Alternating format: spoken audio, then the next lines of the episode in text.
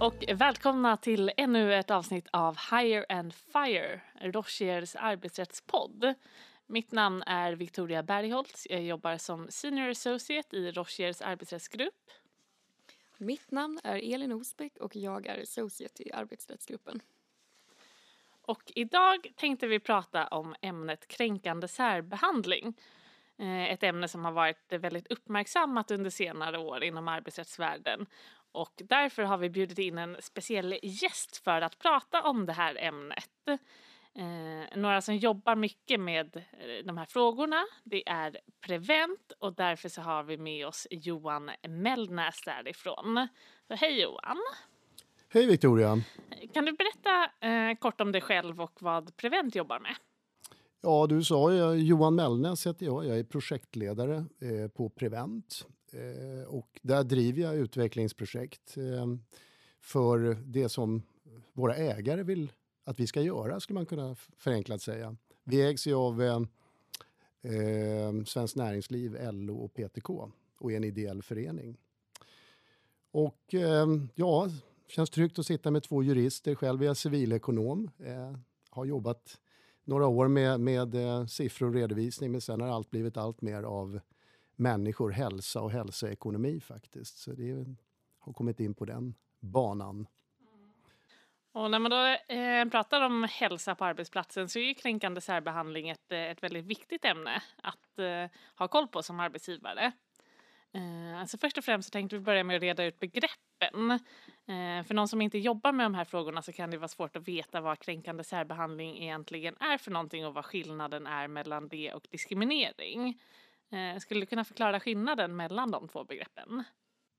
Det är väldigt stora skillnader och även väldigt stora likheter. Alltså en och samma handling eh, kan ju såväl vara en, en kränkande särbehandling som en diskriminering. Eh, och det lyder ju under olika lagstiftningar. Så har det gjort. Alltså kränkande särbehandling lyder ju under arbetsmiljölagen och föreskriften om organisatorisk och social arbetsmiljö.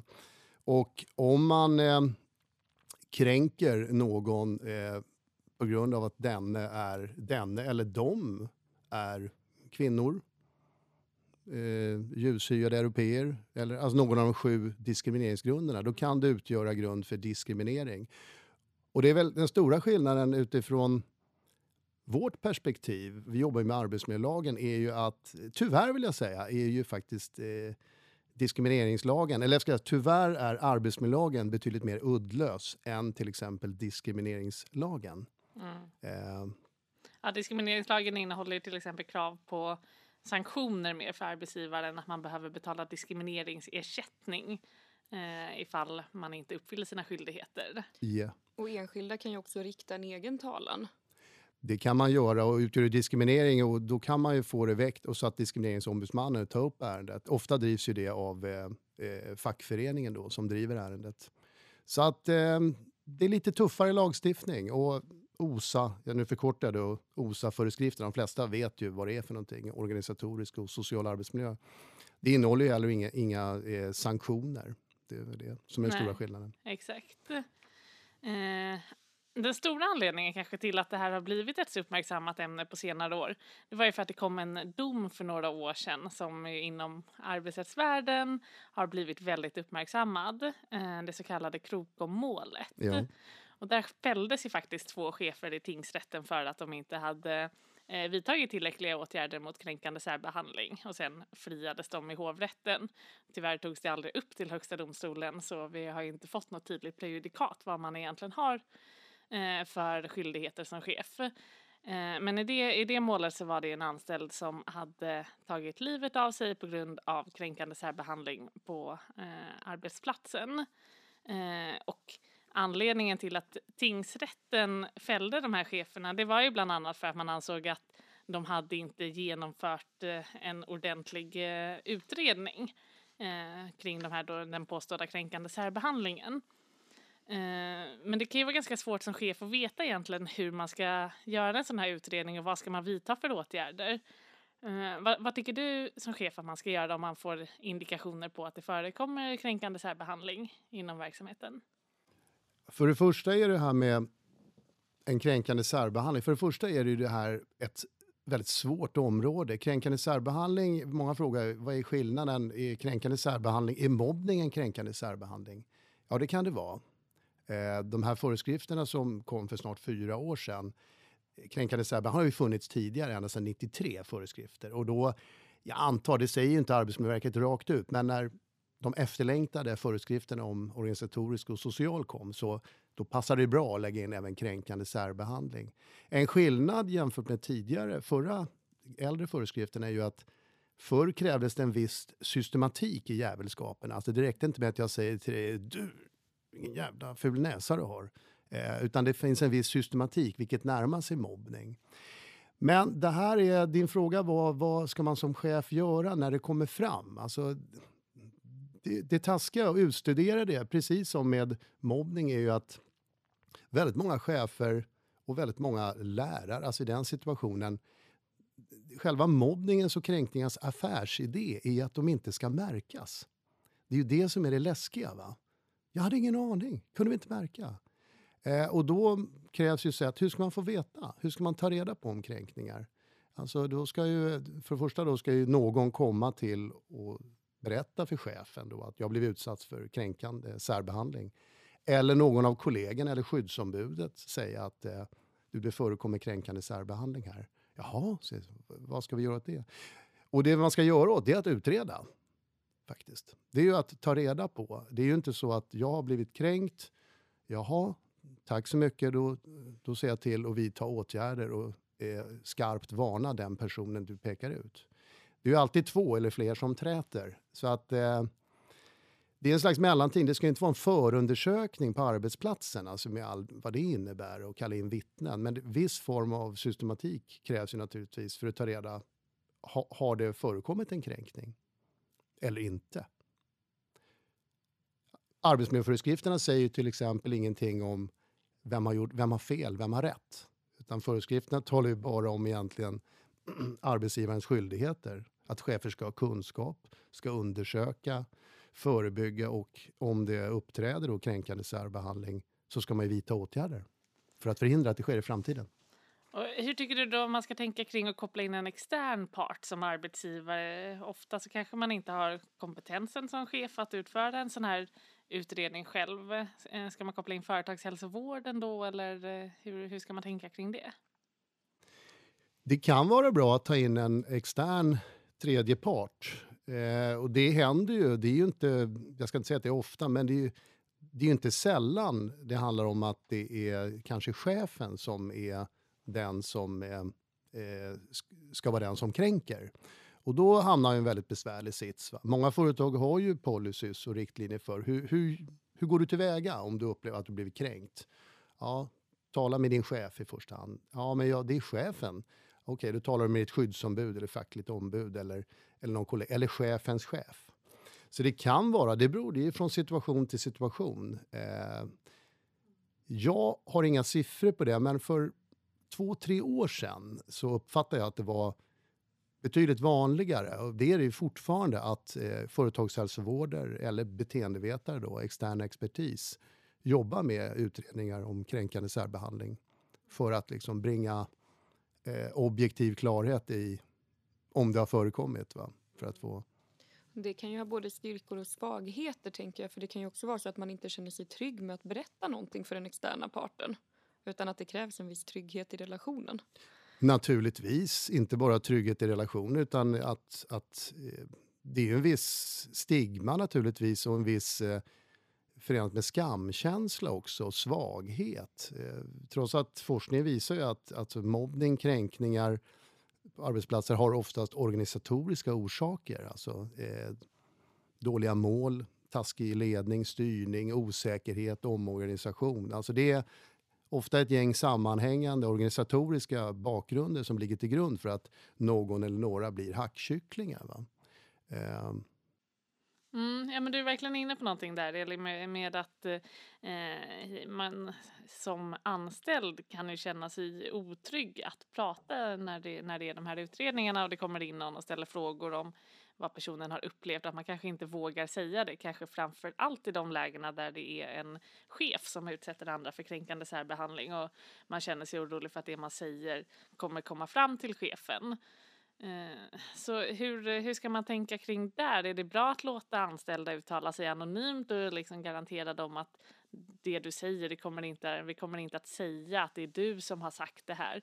Eller eh, blir det orättvist mot den personen som eh, påstås begå kränkande särbehandling? För den kanske behöver få veta vem som har sagt vad för att kunna bemöta uppgifterna.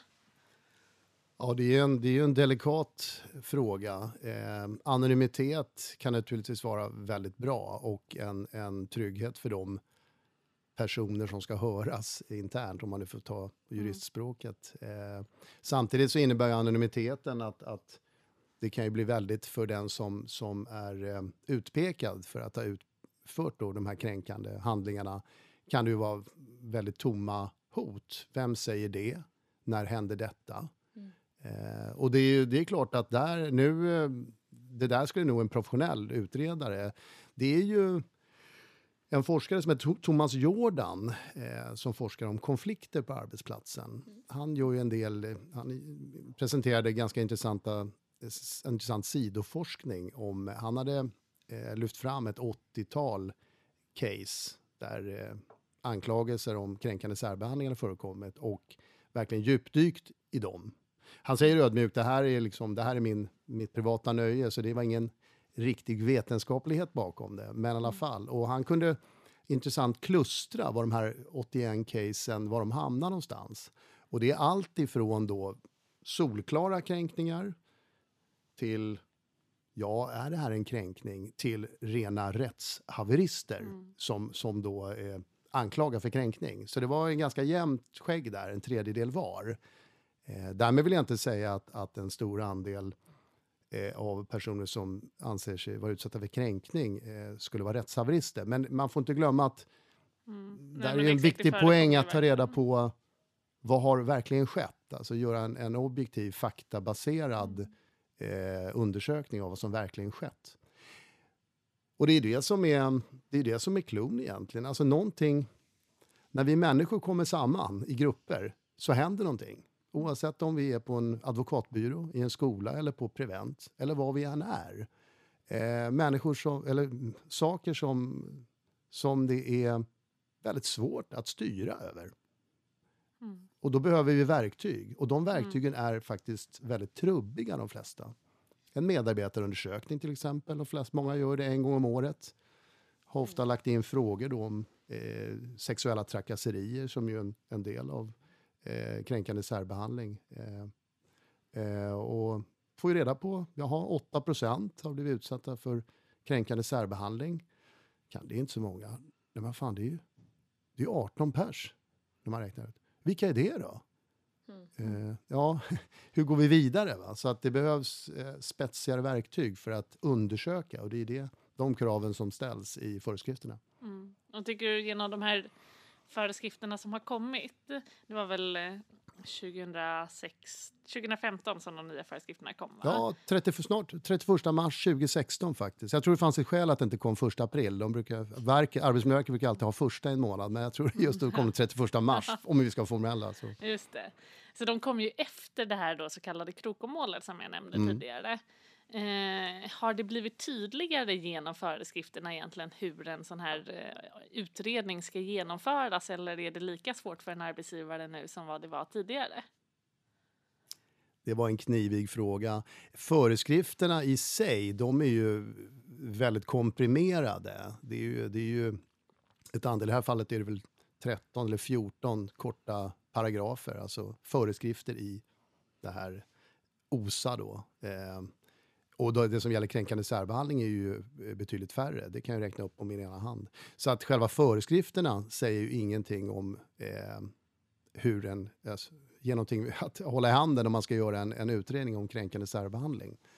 Däremot så finns ju en del i varje föreskrift som tas fram renderar ju i, i en vägledning som Arbetsmiljöverket tar fram. Eh, och den kan ibland, jag tror den är på 70-80 sidor.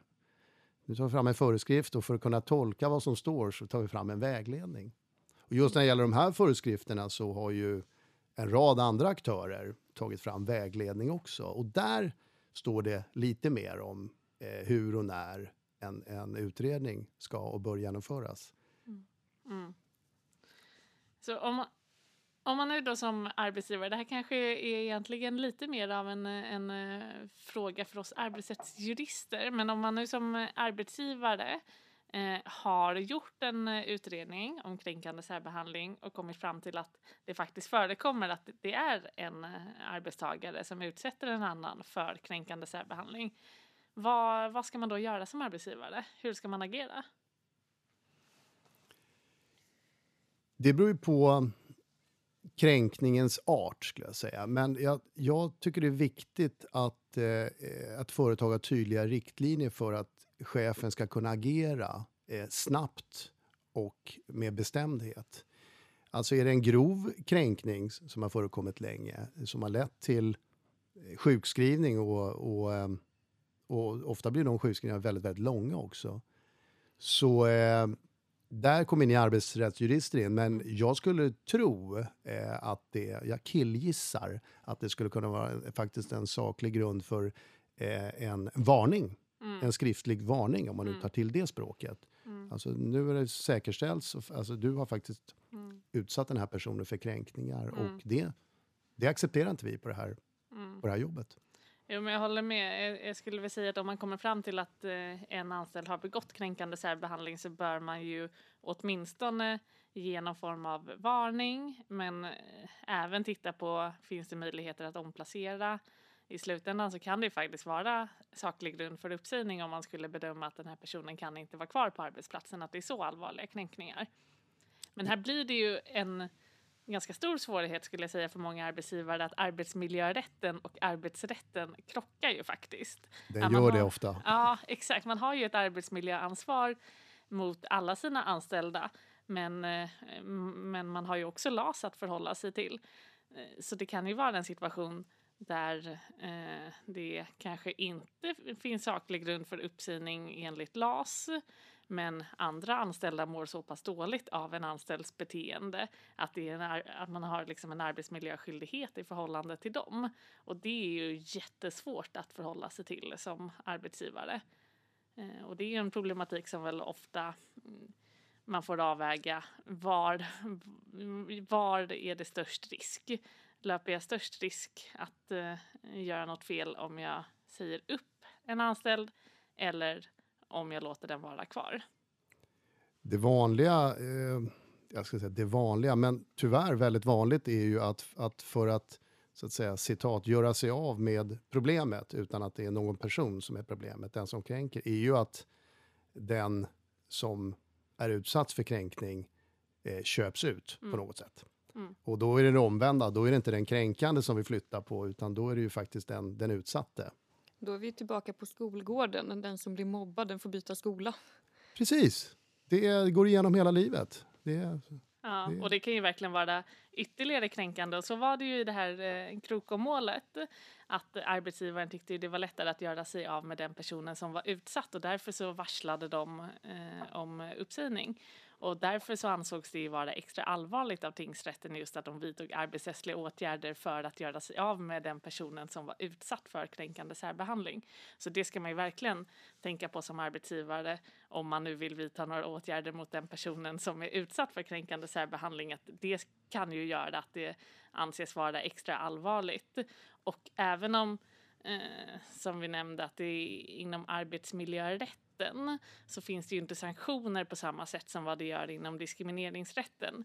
Men det kan ju då, alltså som det blev i Krokomålet, så kan det ju bli ett straffrättsligt mål. För det finns ju en bestämmelse i brottsbalken som säger att eh, man kan begå um, vållande till annans död till exempel genom arbetsmiljöbrott som de hade gjort i det här fallet. Och det kan ju vara vållande till kroppsskada eller annat om det är någon som mår väldigt dåligt på eh, arbetsplatsen. Så man har ju också det straffrättsliga ansvaret som arbetsgivare att förhålla sig till. Ett annat känt mål var ju det här där arbetsmiljölagen och arbetsmiljöansvar kom in var ju den här tragiska djurskötaren som blev uppkäkad av, inte uppkäkad, men av, som blev dödad av Ja, vargarna. Minns ni i Kolmården? Ja, där blev det ju tilldömt då ett ganska fett skadestånd Exakt. till slut. Och där är det ju den fysiska arbetsmiljön och den kan ju vara lite lättare kanske då att eh, bevisa att man har brustit i som arbetsgivare än den psykosociala arbetsmiljön. Och det är väl där som eh, många tycker att det blir extra problematiskt just med kränkande särbehandling.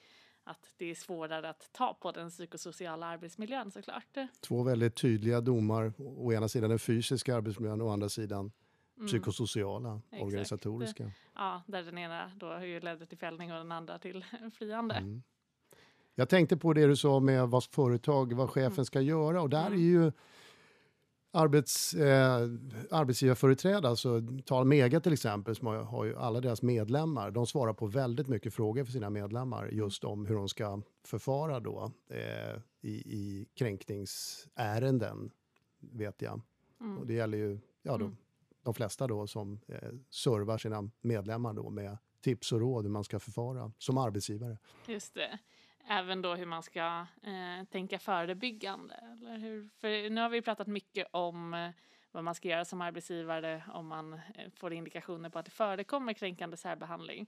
Men eh, man behöver ju också som arbetsgivare tänka förebyggande och faktiskt eh, hela tiden jobba med den psykosociala arbetsmiljön och undersöka hur, hur de anställda mår och se till så att organisationen är tydlig. För att som du sa så är det ofta när det är otydlig organisation, otydliga mål, det är ju det som ofta blir en grogrund för kränkande särbehandling.